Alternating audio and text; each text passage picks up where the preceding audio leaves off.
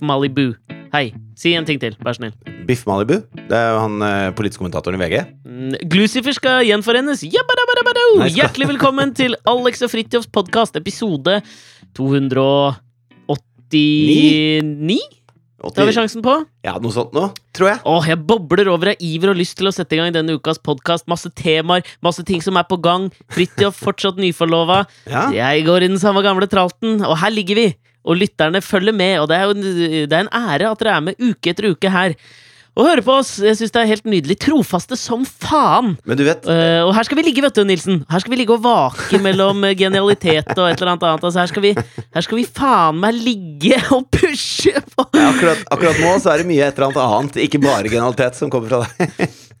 Men du vet sånn Bob Geldof, vet du, når han dro i gang Live Aid, så var det sånn eh, plutselig med We Are The World, og det var liksom masse artister som var nede og, og sang for Afrika, og vi skulle forene verden, og det var, det ja, Men sånn We Are The World var da vel ikke Bob Geldof? Det var vel Michael Jackson? Jo, men var ikke det i, i sånn kjø rundt Live Aid-ish? Do They Know It's Christmas Time? Føler jeg var mer sånn Bob Geldof Band-Aid-opplegg. Var det ikke det? Jo, den låta er de eh, som bor i Afrika, er ikke så fan av den.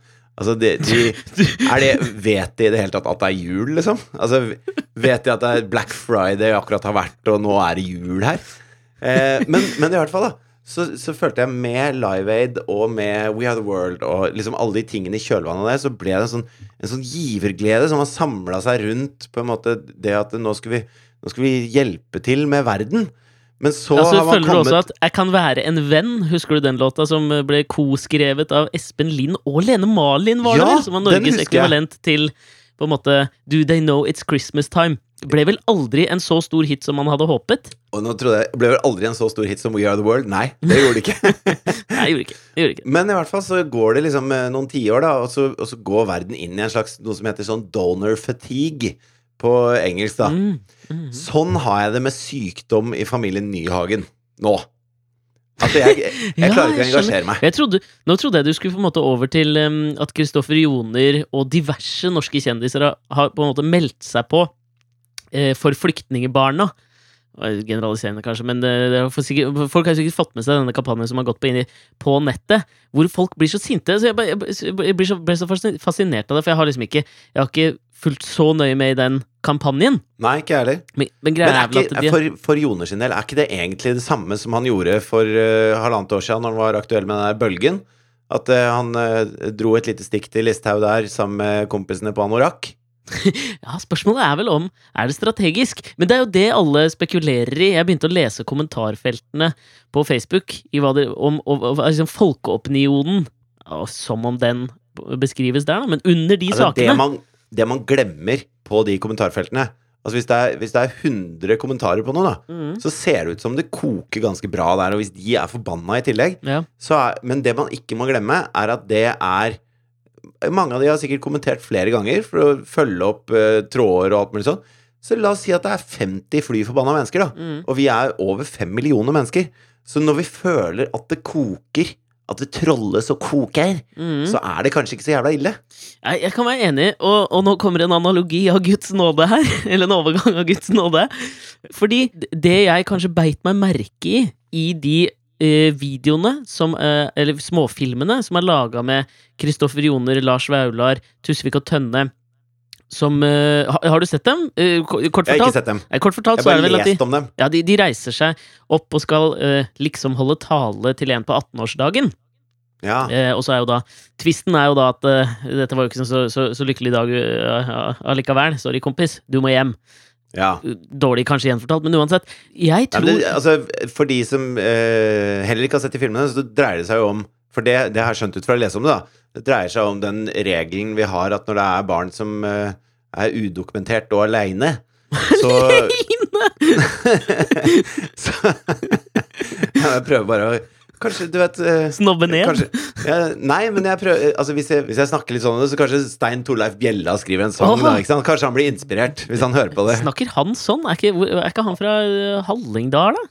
Gol, kanskje. Jeg får så Gol-følelse på han. Men Golvibbe? ua, uansett, Uansett. uansett Det med at eh, vi har ikke lov til å sende dem hjem som barn, Nei. men da har vi dem her i Altså si de kommer når de er ni, da. Mm. Så har vi dem her til de er myndige, altså 18, og så kan vi sende dem hjem. Og da har jo de eh, Da har jo ikke de noe forhold til det landet de kommer fra. Altså, det er jo en, en umenneskelig En helt uforståelig regel for meg. Så jeg er jo enig i eh, på en måte hele kampanjen, og jeg driter i om det er noen rik eh, reklamedude som har funnet det på eller ikke. Så lenge de har rett, så er det greit for meg. Ja, men faen, cola smaker jo godt selv om de tjener bøttevis med cash. Det er liksom ikke, det diskvalifiserer ikke at uh, Mækkern har smak... Altså at det ser smakfullt ut på reklamen for Mækkern. Cola er gift for å dope ned massene, så de stemmer feil ved valgene. Korrekt. Men det er bare et merke i se de videoene. Uh, og det er her i den, min, min forsøksvise overgang uh, kommer. Det var måten Tusvik og Tønne, Lars Vaular og Kristoffer Joner prata på i de uh, på en måte fiktive, men ekte liksom, ektefølte talene sine. Eh, Ja. Og det fikk meg til Og da jeg så på det, så fikk, meg, fikk det meg til å tenke på to ting. Og den første var at eh, jeg satt og så på den em, Andy Kaufman, Jim Carrey-dokumentaren på, på Netflix. Altså en, en dokumentar som dreier seg om innspillingen av filmen Man on the Moon. Eh, Ja. Biopicen om Andy Kaufman, hvor Jim Carrey spiller Andy Kaufman. Eh, eh, Andy Kaufman, eh, ga, gammel komiker, kanskje sl- slo gjennom på starten av 70-tallet, skal vi tippe det, gjennom noen Saturday Night Live-greier og sånn, og var kanskje sånn, en av tidenes mest sånn eksperimentelle komikere, kan vi vel si, for Altså, å bare plassere slutt- ham veldig kort. Til slutt var det vel ingen som skjønte hvem, hvem Hvor starta på en måte eh, Performancen. Kar karakteren Andy Kaufman drev med? Ja. Eller er han bare et stein hakke gærent rasshøl, liksom? Er det Folk skjønte ikke det. Nei, det, jeg føler at det er litt sånn der eh, uh, Jeg hørte en historie om da Gaudi, den spanske arkitekten, gikk ut fra arkitektskolen i Ja. Spania. Så sa liksom læreren hans Altså, nå er vi her sammen med en som enten er spik spenna sprø, eller så er han et geni. Og Ja. det er der jeg føler at i den sfæren lå vel Andy Kaufman gjennom hele sin karriere. Det er som om Per Sandberg skulle si ta-da! Etter 35 år med bare Er du helt løk, eller? Ja, Og så viser det seg at han er ikke det. Han, er bare, han har gjort det for å provosere i 35 år. For å se hvor langt han kunne dra det, føler jeg var på en måte litt av sånn Kaufmannske målet òg. Hvis, hvis det hadde stemt, da, så hadde jeg satt pris på den ørefik-kommentaren han har i metoo-debatten. På en måte. Snakk om å liksom overenklifisere en, Ja. et ganske stort sånt systemproblem, da. Altså, Hve- Og hvem er det som skal gi den ørefiken? Er det ofrene, eller er det det var det han en mente, slags, da. Ja, ok. Så det er ikke en slags dommer som bare Du får ti ørefiker, og så er vi, så er vi i, i en eller annen sånn det- bananrepublikk, er det ikke det man sier? Nei, men altså, eh, hele poenget her eh, Hans var vel eh, Vi, vi kan jo legge godvilje til å si at det liksom sånn Kanskje han mente bare at um, hvis du opplever at sjefen tar deg på rumpa, så er det lov å reagere. At det var i overført betydning. Men sjelden ting Per Sandberg sier og gjør, er i overført betydning. Jeg føler ikke at han har mental kapasitet til å gjøre ting i overført betydning. Føler han er veldig sånn én-til-én-type. Så hvis det er én ting det siste halvannet året har uh, lært meg å bli skikkelig lei av, Mm. så er det at det smarte mennesker skal prøve å finne ut hva dumme mennesker egentlig mente når de Ja. prata. ja, og, Det er jeg lei av. Og det er litt inn i dette her vi skal, da, For jeg satt og så på den herre eh, så på denne dokumentaren som baserer seg på på en måte ett én sit-down. Bare, nå, nå, bare for å liksom klarere opp dette her. Ja. Nå hørtes det ikke ut som jeg var lei av å høre på sånn at jeg kalte deg og meg smarte. Som nå skulle drive og filulere på hva de egentlig mente. Men jeg tenker på sånne der er presserådgivere som kommer og sier Nei, men det sjefen min, det gjøken egentlig prøvde å si, var sånn og sånn. Han bare klarte ikke å si det, skjønner du. Ja, jeg, jeg, jeg skjønte det. Tipper lytterne Ja. våre også skjønte det, for de er en del av de smarte. Samme oss. Ja, det tror jeg altså. Så, jo, men altså, denne her dokumentaren, for de som ikke har uh, sett den, da, så baserer den seg på et- ett sånn Talking Heads-intervju gjort med Jim Carrey, og så er det liksom kryssklippet med bakom-filmen, som ble laget eh, i utgangspunktet til Man on the Moon-filmen.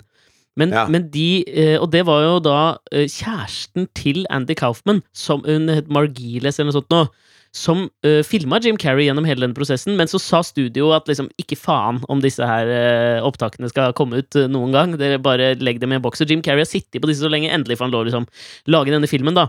Jeg skjønner jo litt hvorfor. Fordi han var jo Han gikk jo sånn ekstrem method acted uh, acting til verks i den filmen. Nektet å bli kalt noe annet enn Andy. Eller Tony Clifton, da, som var hans Andy Kaufmans slags um, Hva kalles det? Et alter ego. Alter ego. Som var en Men, men han har jo blitt en litt sånn derre kaufmannsk figur nå i Hollywood. Altså Jim Carrey. Han går jo rundt og troller forskjellige ting. Han er jo en Han har jo blitt en jævla raring. Ja, og, og øh, vaksinemotstander vel etter sin, sitt korte forhold med Jenny McCarthy, eller? Jo, det tror, det tror jeg Jenny McCarthy Det er det ene som Jenny McCarthy liksom har lagt igjen og sånn. Men han er litt sånn derre Det er jo Ja, et hvem- par-tre seksuelt overførbare sykdommer, eller? Det tror jeg nok. Eh, Men han er litt sånn derre Ja, men jeg eksisterer egentlig ikke, og du og jeg er bare en samling av molekyl Han er der, liksom. Og det er akkurat det han prater om i denne filmen. Er liksom så, Er han, det det? han er ingen stor tilhenger av fri vilje. Så plukker han opp tekoppen sin og sier han, Drikker jeg fordi jeg vil, eller drikker jeg fordi jeg er tørst? Og det er sånn, fy faen Dette her er sånn derre niåringsfilosofi. Ja, det er sånn Altså, du har fargebada så lenge at du har blitt ett med fargebadet. Som Altså, du renner ut i sluket når du trekker ut proppen. Altså, det, er, det er feil, da. Ja, og, og, og det, var, det er liksom litt inni det her hvor jeg, jeg begynte å tenke på denne her uh, Joner-kampanjen igjen. Fordi på et tidspunkt i den filmen, sånn ganske mot slutten, så, så vil på en måte intervjueren at uh, Jim Carrey skal være litt ettertenksom over sin egen karriere og hvor han er på vei også. Eh, Altså, Kaufman døde vel da han var 35 år bare, av, av, av lungekreft. Jim Carrey har fått holde på lenge. Det har skjedd mye. Han var liksom på toppen i Hollywood, sånn rundt Ace Ventura, kanskje Dum og dummere, rundt der. Så han var liksom Han var en av de absolutt største stjernene. Hva har skjedd? Altså, han skulle være litt ettertenksom og, og, og filosofere litt rundt seg selv. Ja. Og det han, det han på en måte kommer til, er jo, er jo det som Som jeg syns så jævlig mange folk som er stinne av gryn og har opplevd det, kommer fram til. Og det er og, og, I seg sjøl, ok, greit, men så, han sier noe sånt som at hvis han hadde visst at måte, dette her var det han higet etter da han liksom sto på comedy clubs kveld etter kveld, og han skrev jo, det var en sånn famøst Opera-intervju hvor han fortalte at eh, helt i starten av karrieren så hadde han skrevet ut en sjekk på 10 millioner dollar til seg sjøl. Sånn at den dagen han tjente hadde tjent 10 millioner dollar, så kunne han liksom rive den i stykker. Altså, han, han, liksom, han higet jo etter å bli størst. Og så, og så er jo da på en måte den eh, ettertenksomheten rundt det, at liksom, selv om jeg har alle penger, jeg har liksom spilt de største filmene mot de største menneskene, og jeg ble ikke lykkelig av det. Ok, Nei. greit nok. Det er den ene Ja. tingen. Ok, Og så Ja. knytter jeg sammen da, så, og så det jeg så etterpå. Etter å ha sett den filmen, så tenkte jeg at ok, nå må jeg ha noe litt sånn lettere, for det var jo sånn forholdsvis tungt og rart, hele den der dokumentaren. Jeg anbefaler alle å, gå inn og se den, men den er jo rar, og den er lang. Ja, men er litt Altså, eh, det er så mange mennesker man bør lytte til der ute. Og jeg lytta til Jim Carrey eh, da han var morsom, og da syns jeg han var morsom. Ja, men han er Men ingen ingen han- filosof. Nei, og det må han bare legge på hylla. Ja. For jeg orker ikke å bruke tid på det lenger. Nei, også, og, det, og det jeg gikk over til å se da, som skulle være liksom en liten sånn eh, litt lett eh, dessert, så så jeg han Bo Burnham, en ung amerikansk standup-komiker som bruker veldig mye, og som også er ganske sånn eksperimentell i uttrykk, og bruker veldig mye musikk og, og instrumenter og liksom rare grep på scenen. Og helt til slutten av hans standups, uh, standup special, ehm, så, så tar han på en måte et lite nedbrekk hvor han setter seg ned, skrur på alt lyset ut på publikum og på en måte skal være alvorlig. Og han oh, ja. sier da på en måte at at samfunnet råtner på rot, og grunnen til det er liksom blant mye sosiale medier. Vi har blitt mennesker som i utgangspunktet bare leter etter et publikum og en scene å publisere oss på, og nå har vi den scenen og det publikummet 24 timer i døgnet hele tiden, og det er ikke bra! Liksom, hvis dere skal ta med dere noe hjem herfra, så er det liksom ikke let etter et publikum, sånn som jeg har gjort! Det er ikke det som gjør det lykkelig. Altså, du skjønner på en måte connection her? Ja, og, jeg, og det er jo så uh, Altså, det er en sånn djevelens ironi i å sitte på en scene og skru på lyset så han ser publikummet selv. Ja. For det er det som skjer når du skrur på lyset. Ja. For å fortelle dem 'ikke let etter et publikum'. Da blir du Det ikke lykkelig. Bare se på meg. Ja, det er litt provoserende, men samtidig så kan det jo være litt sånn Man kan jo argumentere kanskje for at det, eh, Ja, men det er jo de som har opplevd det, som, som kan mene noe om det. Men I, I beg to differ a bit! Ja. Og det er her jeg, jeg tenker på på en måte overgangen til hele denne her Joner 2.0. Det er at jeg, jeg leste en sånn svær sak om hvordan vi på en måte argumenterer i Altså hvordan debattklimaet fungerer nå, nå til dags. Og det er jo Mhm. liksom sånn som vi også sitter og prater her. Hvis vi har noen sterke meninger om noe, så, så sier vi det som på en måte overbeviste oss til å tro det vi tror, da. Eller å mene det vi mener. Og det er det Jim Carrey gjør, og det er det Bo Burnham gjør, og det er det Kristoffer Joner og Tusvik og Tønne og Lars Vaular og alle disse gjør i de filmene. Men Ja. det er jo ikke nødvendigvis det som vil overbevise de som ikke er enig med oss i X, ikke sant? Nei, Og det er nei, det man jo mener. at Jeg blir så Men det er veldig vanskelig å komme seg rundt, da, for jeg kjenner at når vi snakker om det der med joner og, og de barna som når de blir myndige, så blir de sendt hjem, Mm. så eh, brenner jeg inne etter å si til deg akkurat det mm. samme. Altså, jeg har lyst til å si den grunnen til at jeg opplever det som kjempefeil, ikke sant? Men, men da gjør jeg akkurat det samme, da, er det det du prøver å si? Ja, jeg tror vi, vi, vi har gjort oss til um Uh, Vi har gjort dette veldig, veldig, veldig mye, tror jeg, og det er vel egentlig det podkast handler om. At man på en måte uh, 287 av de 289 timene vi har gitt ut som podkast, er vel mye det. Ja, jeg tenker det, jeg òg. Ikke det at det nødvendigvis er noe feil med det, men hvis på en måte målet ditt, da, som Jim Carreys mål er, som Bo Burnhams mål er, Joner, Tusvik og Tønne, Lars Vaular, alle disse Hvis målet ditt er å overbevise noen som ikke egentlig er enig i det du sier, Ja. så tror jeg det er liksom Jeg tror det er, så, jeg tror det er feil approach. Det er det helt sikkert, for det er jo ingen som klarer å overbevise de andre om dagen. Nei, men er det fordi vi utelukkende bruker den approachen? Vi bruker det som uh, Dette er grunnen til at jeg ble kommunist. Hør nå. Det tror jeg ikke funker lenger. Klarer man liksom å gå Det er jo grisevanskelig, men klarer man å gå i inn i, ut av seg sjæl for, å for å skjønne liksom mindsettet til noen andre, sånn at man kan si ok, jeg skjønner hvorfor du mener det her.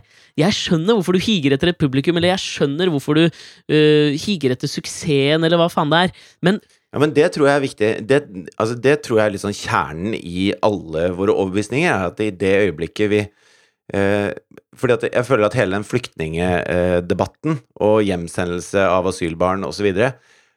For halvparten så dreier det seg om et regnestykke og et papir-tankeeksperiment. mhm, Eh, og da, hvis, hvis jeg hadde vært enig i at dette bare var et tankeeksperiment og et papirregnestykke, så kan jeg se noen av argumentene. Altså, Listhaug har blitt mye flinkere enn hun var før til å argumentere for hvorfor når de sparer penger på dette, så kan de bruke det på dette her isteden. Mm. Og, og det er bra å bruke masse penger der de er, osv. Og, og det er jeg for så vidt enig i, men mitt problem med å kjøpe den argumentasjonen, da, er at eh, jeg klarer ikke å et, Etter at jeg liksom har tenkt på det i fem minutter, eh, og tenkt på de, de barna da, som kommer hit som små barn, og så lever de og vokser opp i et, eh, i et land og et, med mennesker rundt seg og i et miljø og lærer et språk og en måte å fungere på. Alt, alt de har, hele deres personlighet, er vokst opp i dette landet her. Mm. Og så skal man på grunn av et regnestykke sende de til et sted hvor de ikke har noen ting, og ikke har noe tilhørighet i det hele tatt. Og så er man frekk nok til å kalle det hjem. Det, det syns jeg er helt uh, ubegripelig. Så jeg, Jeg hadde, jeg hadde eh, gjort det mer ærlig om han hadde sendt deg bort. ja, Bare, akkurat liksom ærligheten hadde vært litt Ja, eh, for, skikkelig, forfriskende. skikkelig langt vekk. Et sted hvor du ikke kommer til å skjønne noen ting av noen ting. Ja. Lykke til. Ja. Nå er du voksen. Ja. Altså, det, det hadde vært en ærligere måte å si det på. Eh, og, og jeg skjønner jo heller altså hvis, hvis det er sånn regnestykket er, da, når de kan gjøre sånn, så kan vi gjøre det, og da får vi masse godt for de penga der hvor der hvor flyktninger faktisk har det jævlig vanskelig om dagen, da, i flyktningleirer i Jordan og ikke sant, på masse steder, så er jo jeg sånn Ja, men kan vi ikke bruke litt mer penger på dette, da? Sånn at eh, ikke, altså, vi altså, kan gjøre begge deler. Vi har vel råd til det, har vi ikke det? Jo, men jeg, altså, Nå hadde jeg jo tenkt å si at det er jo ikke et nullsumspill, men på et eller annet nivå så, så er det jo det. Men jeg føler at vi ligger langt unna det nullet i summen. Ja, jeg tror vi er det niende rikeste landet i hele verden, samtidig som vi har en Det kan det jo eh, ikke være! Er vi det? Nei, men øh, jeg tror Jeg, leste et eller annet sted at det norske oljefondet eier 1,9% av alle aksjene på kloden. Nei, hva? Det er jo helt spinnvilt! Og hvis du studerer på BI, så ikke bruk det sitatet i noen prøver på noen ting. Men det tror jeg faktisk stemmer. ja. ja, men altså, jeg tenker kanskje det kan være Jeg har jo tenkt på sånn Er det noe sånn Fins det en eller annen slags form for løsning på dette? Fins det en eller annen uh, En oppfordring til hvordan man kan gjøre det? Jeg har ikke kommet på Ja, noen, men jeg, jeg tror ikke det. Jeg tror man er nødt til å kjenne på kroppen. Altså, jeg kan jeg, Ok. Uh, for å være litt personlig, da. mm, Nå skal jeg være litt personlig. ja. Eh, Jonathan, min kjære sønn, Mm. som er eh, nå eh, rett over tre år Nå tvilte et sekund der.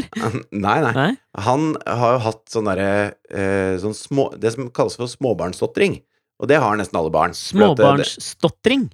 Ja. Okay. Fordi at de leter etter ord, og kanskje huet går litt fortere enn kjeften av og til, og så uh, gjentar man noen ord noen ganger, og så kanskje noen kommer litt feil ut, det er, det er mye sånn om og men, da. Det, Høres ut som en eller annen eh, forbannelse fra diagnosesamfunnet, dette greiene her, ass. Unger Ja, kommer jo til å lete etter ord. ja, og det er noe nesten alle har, og det er ikke noe jeg har tatt uh, så veldig tungt på. Ja. Og så uh, ringte de fra barnehagen, og så sa de at, eh, at eh, Eller jeg prata med de i barnehagen, og de sa at dette er litt eh, mer enn det som regnes som småbarnsdatteri, for de har hatt et barn som har stamma i barnehagen, da. Ja. Um, og så tenkte jeg Men da, da må man jo lytte til dem, liksom. Så uh, da hadde jeg møte med logoped og så videre. Eh, og så var jeg fremdeles litt sånn i tvil på dette her er noe Jeg tenkte at dette her er noe som går over. Mm. Og så for et par-tre uker siden så plutselig uh, slo det ut liksom i full blomst, da. Sånn at eh, Ok. Sånn stamming, liksom. Oh, ja. Eh, sånn at han fikk ikke ut en eh, lyd ved middagsbordet, og du så blodårene på halsen hans. Det var helt forferdelig å Ah, sitte og se på. ja.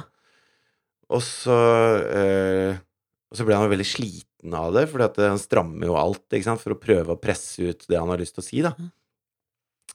Og så eh, går vi liksom opp senere på kvelden, og eh, jeg skal lese Pleier å lese en sånn pekebok eh, hvor jeg peker og han sier, og så prater vi rundt det, og så har vi det veldig gøy. Mm.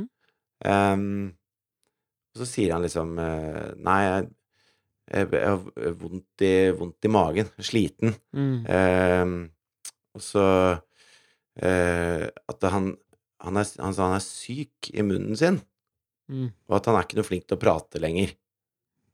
Og det er sånn Det er helt forferdelig for meg å høre.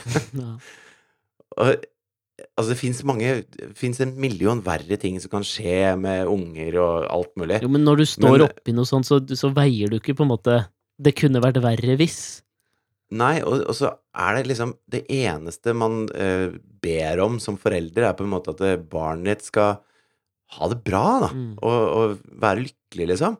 Uh, og, så, og så ser jeg da for meg liksom hvor eh, hvor mye det kan være sånn der hemmende for han sosialt, eller at han blir sånn at han velger å holde kjeft istedenfor å si hva han tenker på, hva han mener og sånn, For han prater, prater jo egentlig hele tiden. Mm. Uh, og så Både jeg og Katrine syntes jo det var skikkelig trøkk, liksom, å få det sånn, sånn inn på oss. Og, så, og da sendte jeg mail til logopeden, og så sa jeg de seks ukene vi snakka om å som vurdering av dette jeg skal fylle ut sånn skjema hvis det blir Glem det. Nå er vi i gang, liksom. Ja. Vi Dette her er ikke noe Dette her er ordentlig. Mm. Um, og så det, jobber vi liksom med å få taleflyt i vanlige situasjoner, og vi snakker mye lavere og roligere eh, hjemme, og vi skal ikke stille spørsmål, og kritikk skal vi være forsiktige med, og, og det, er, det er jævlig Hvordan får du til å ikke stille spørsmål? Nei, altså du skal stille spørsmål som ikke begynner med spørsmålsord. Du kan si 'Var det gøy i barnehagen?' Ja. Ja. Mens hvis du sier 'Hva gjorde du i barnehagen?' Ja. så tvinger jeg han til å, Skravle, liksom. til å skravle på mine premisser. Ja. Så når han skravler på sine premisser, så går det jævlig mye enklere. Um, og, og at eh, jeg må prate sakte. Og eh, når han har snakka, så tar man liksom et pust før man begynner å prate selv, så man roer ned hele greia. Eh, en bieffekt er at vi har, vi har jo fått det helt sinnssykt hyggelig og rolig her hjemme. ja. altså, er hele familien har egentlig stemning. godt av akkurat dette. Ja. her. Sånn Påtvunget mindfulness-greiene. så. Men så, eh, så når vi hadde holdt på med dette i en ukes tid, eller noe sånt, så satt jeg og så på den derre Stranger Things, og så hadde Katrine sovna på sofaen. Mm. Eh, og så på et eller annet punkt så sier en av karakterene til en sånn ung jente som kanskje er eh, syv, åtte, ni, ti år Så sier han Fy faen, så flink du er. Nå var du flink, liksom. Mm. Du var skikkelig flink. Og da hadde Jonathan sagt det der at eh, 'jeg er ikke noe flink til å prate', hadde han sagt til meg. Og så bare eh, Akkurat det der flink-ordet Ja. oh. bare knakk meg fullstendig, da. Ja.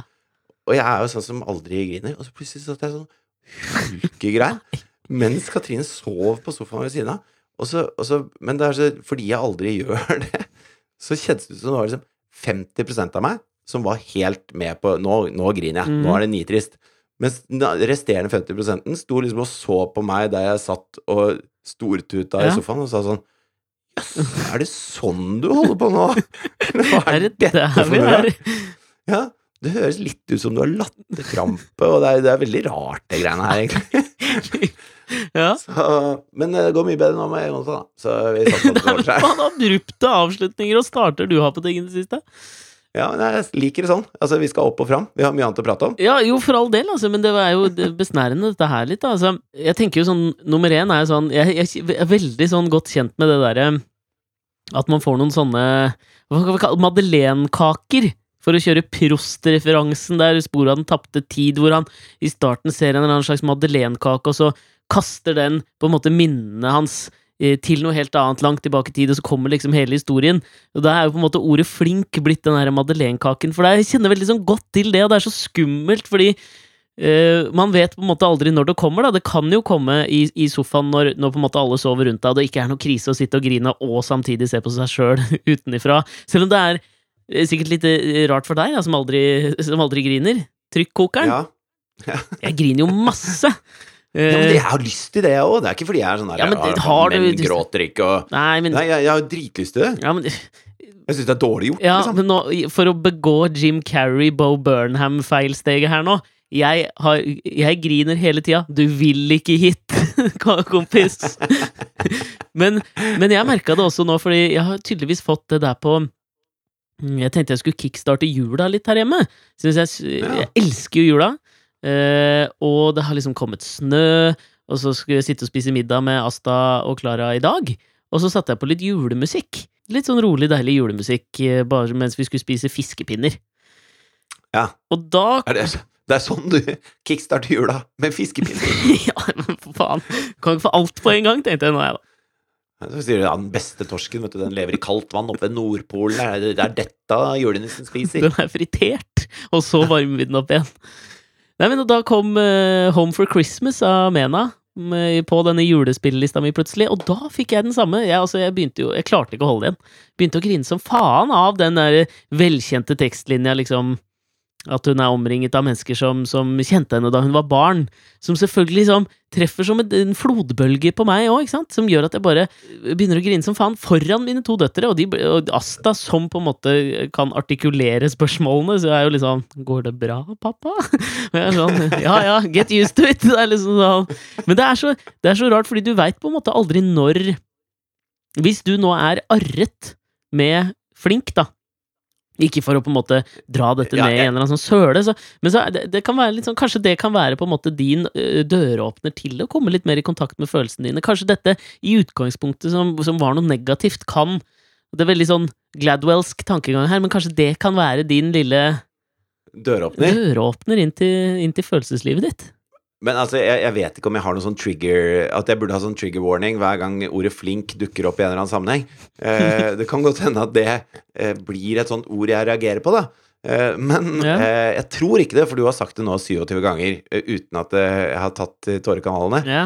Men eh, nå har jo du gitt, gitt meg et lite innblikk i hvordan det er å være på andre siden, da, hvor du sitter som far og spiser fiskepinner og griner sånn at barna dine blir redde, liksom. ja, men Jeg har redde og redde, det jeg er havne vant til det! Jeg har Jeg ikke lyst til å ha havne der heller. sånn der at, at toåringen føler at hun må trøste deg, liksom. Det er jo pes. Ja, men du, jeg tenker, du vil ikke ditt, da. Men altså, Nei, det vil jeg ikke. Men altså, jeg tenker jo kanskje Hvis vi skal øh, snurpe igjen sekken her, så kommer jeg på kanskje et, et forslag til hvordan vi kan nullstille oss innenfor inn til og for de utfordringene vi møter i alt det vi har prata om nå. Og ikke nødvendigvis at du skal på en måte nullstille deg overfor måte den utfordringen som Jonathan har vært igjennom òg, men det er jo viktig å ikke la sånne ting henge igjen heller. Sånn at man blir det kan jo være lett hvis man opplever noe med barnet sitt kanskje som er litt trist, og som gjør at de har det litt vondt, at man kanskje syr litt puter under dem litt for lenge etterpå, sånn at det blir en hemsko mer enn noe man kan liksom gønne på videre med i Gladwells ånd. Ja. Så kom jeg til å tenke, altså jeg hørte et intervju med Jan Guillou, den svenske forfatteren og journalisten. Mm.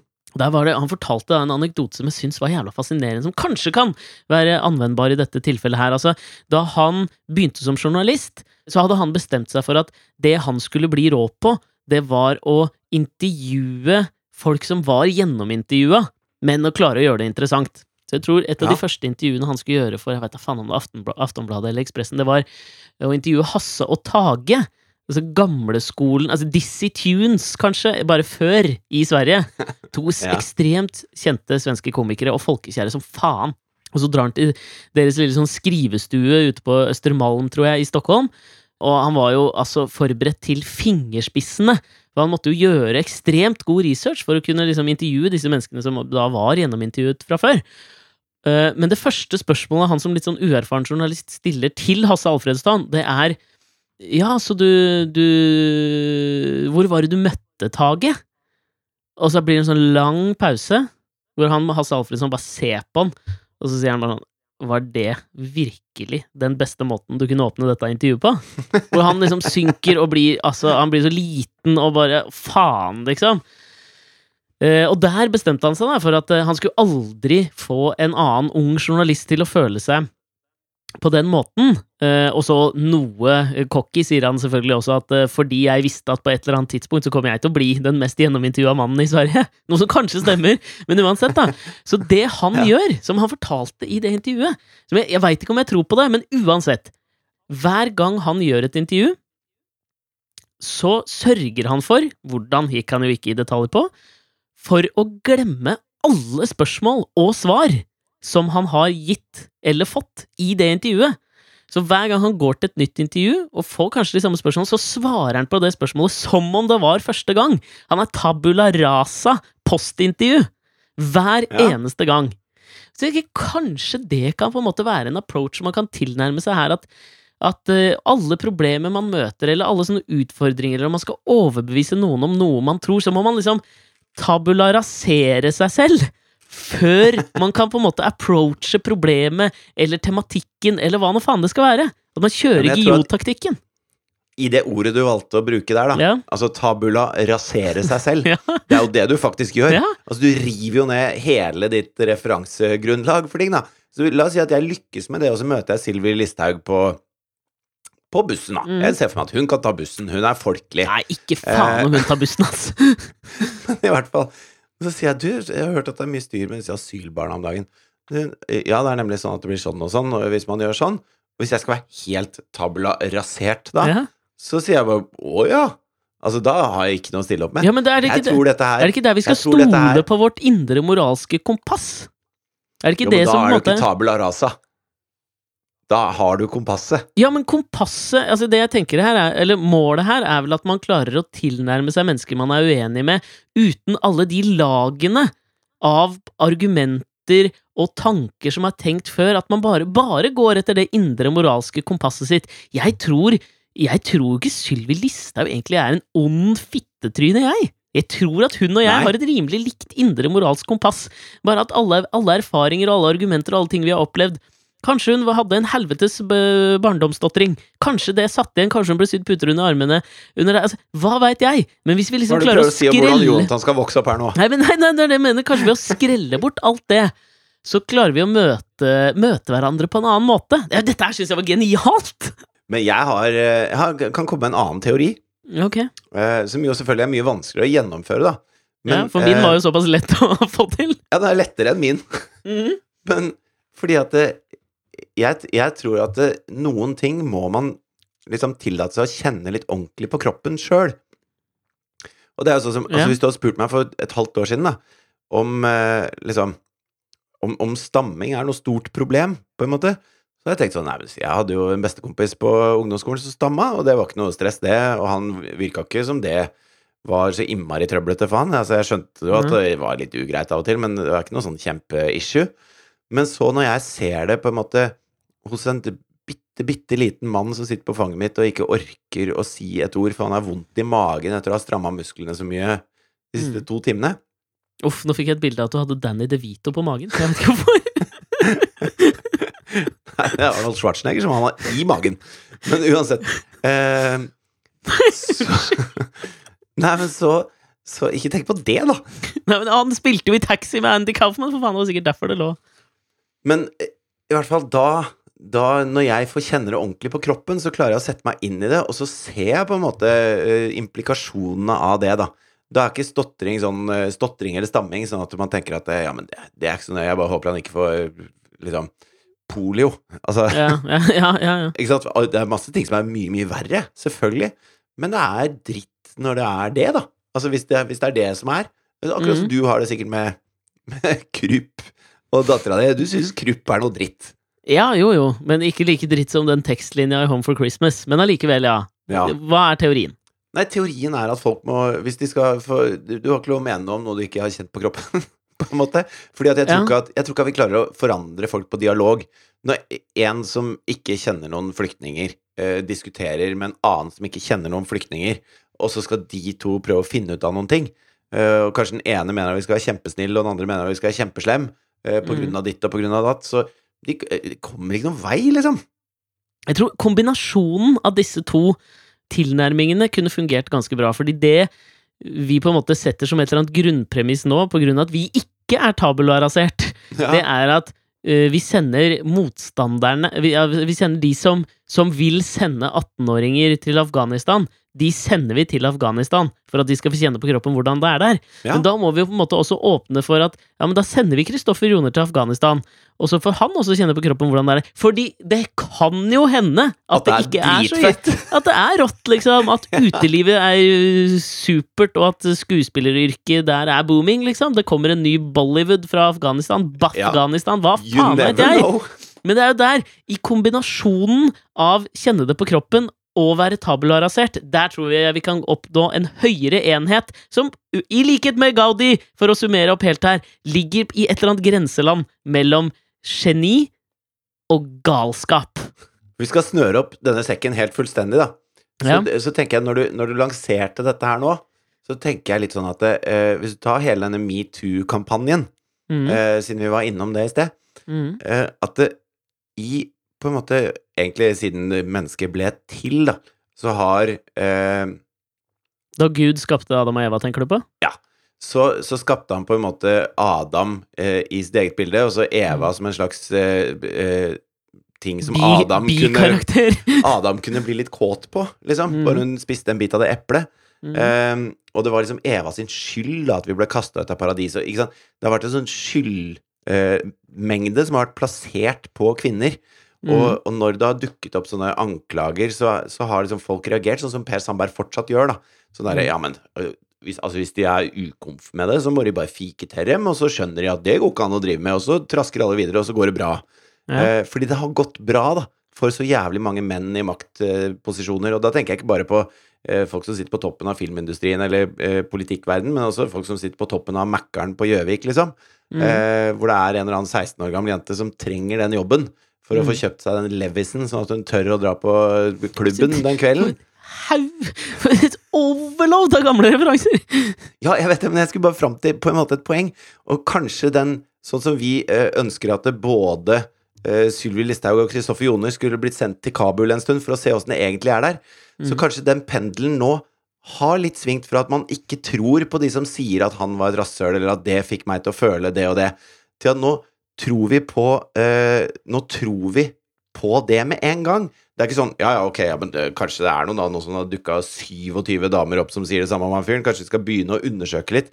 Men vi kan, ikke, vi kan ikke si noe eller gjøre noe med han før dette er bevist, på en eller annen måte. Altså, det ligger ikke der lenger. Nå er det svingt langt over på andre siden. Sånn det, og det er mennenes Kabul, da. Hvor de trenger å dra, hvis du skjønner. For Ja, å få dette litt bedre. Kanskje de nå føler litt, litt, litt mer på kroppen, disse rumpegrabberne og håpløse, bedritne, runkne i potteplante mannfolka. Ja, men altså, at, pendelen svinger, tenker jeg også er veldig bra. Altså, er jo den ryggmargsrefleksen til veldig mange menn, ser jeg jo, er jo da at, uh, at pendelen svinger for langt. Men, Ja. det er, men, men ikke sant Jeg, er... jeg, jeg Det er, det er pendelens natur. Altså, det, jo, men det er jo det. Hvis du henger en vekt i noe, og så drar du det opp på den ene siden, og så vil du Mm. egentlig at pendelen skal henge rett ned, men du har dratt det opp på den ene siden, og så slipper du den. Sånn går det. ja, det er helt riktig.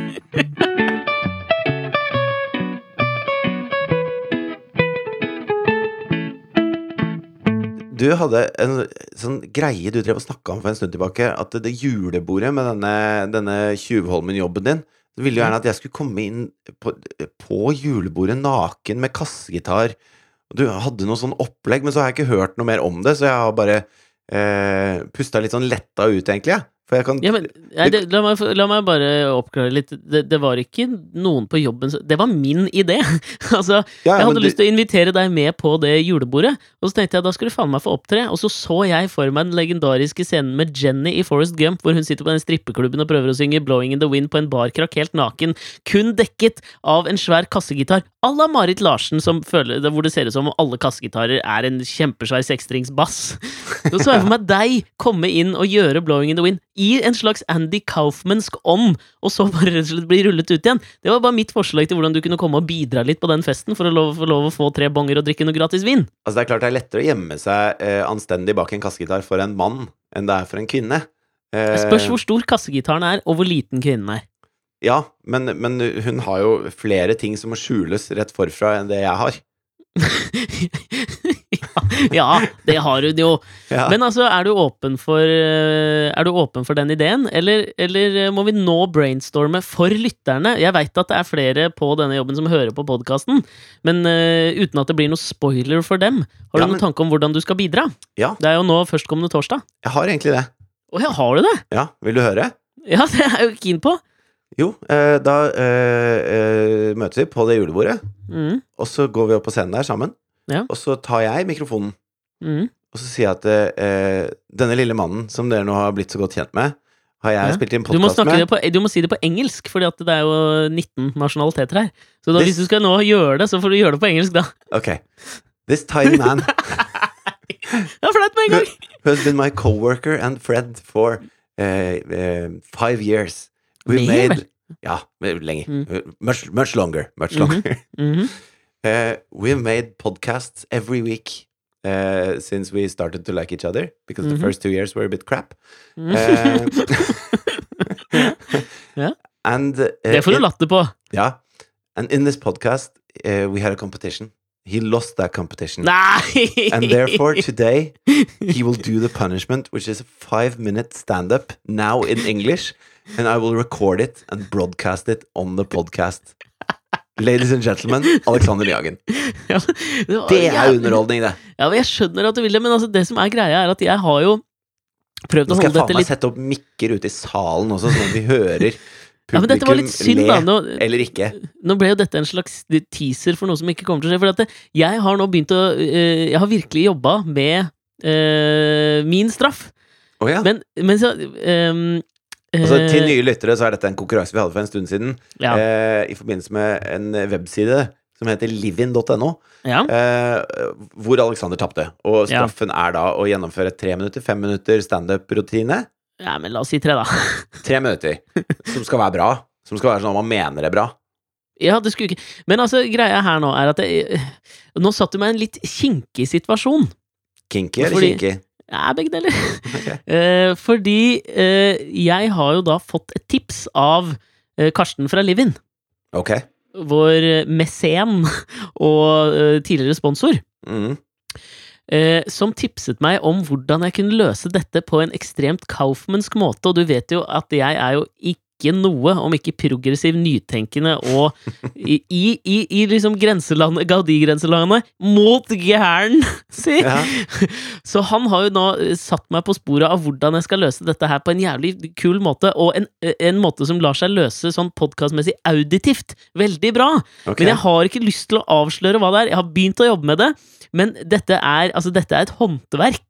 Dette er, jeg kommer til å dette er komikkens Kabul du snakker om nå? Ja, det er det, men jeg har ikke Jeg har lyst til å bare la dette ligge som en liten teaser for lytterne. At det, det kommer Jeg kommer til og med til å trenge litt hjelp av deg, fordi jeg er ikke så bevandret med alle lydteknikkene jeg kommer til å måtte bruke i dette, for dette er faen meg avanserte greier. Ok. Uh, Så nå er det én av lytterne våre som veit det, og det er jo Karsten fra Livin. Ja. Hva det er jeg snakker om. Jeg jobber med det, det kommer snart, men jeg har lyst til at det skal være jævlig bra hvis jeg først skal gjøre dette her. Og da tenkte jeg ok, jeg kunne jo gjort en vanlig standup sånn som det der, men sånn er ikke jeg. Jeg er mer i Kauf Kaufmannsk eh, ånd. Jeg må okay. tabula rasere meg sjøl, så må jeg starte helt på nytt. Og det er det jeg har gjort, og det kommer til å bli awesome! Ok, da gleder jeg meg. Ja, Men vi høres igjen eh, om en uke. Så får vi to ta oss og pønske litt mer på hva du skal gjøre naken på det julebordet. Så får vi gi en liten rapport fra dette julebordet kanskje om to uker, hvis vi rekker det, da. Fordi eh, inntil da så må vi ha spilt inn en podkast før det. Tusen takk for i dag, folkens! Nyt fredagen hvor nå enn du er. Nyt helgen. Nyt den kommende uka. Ha det bra. Ha det.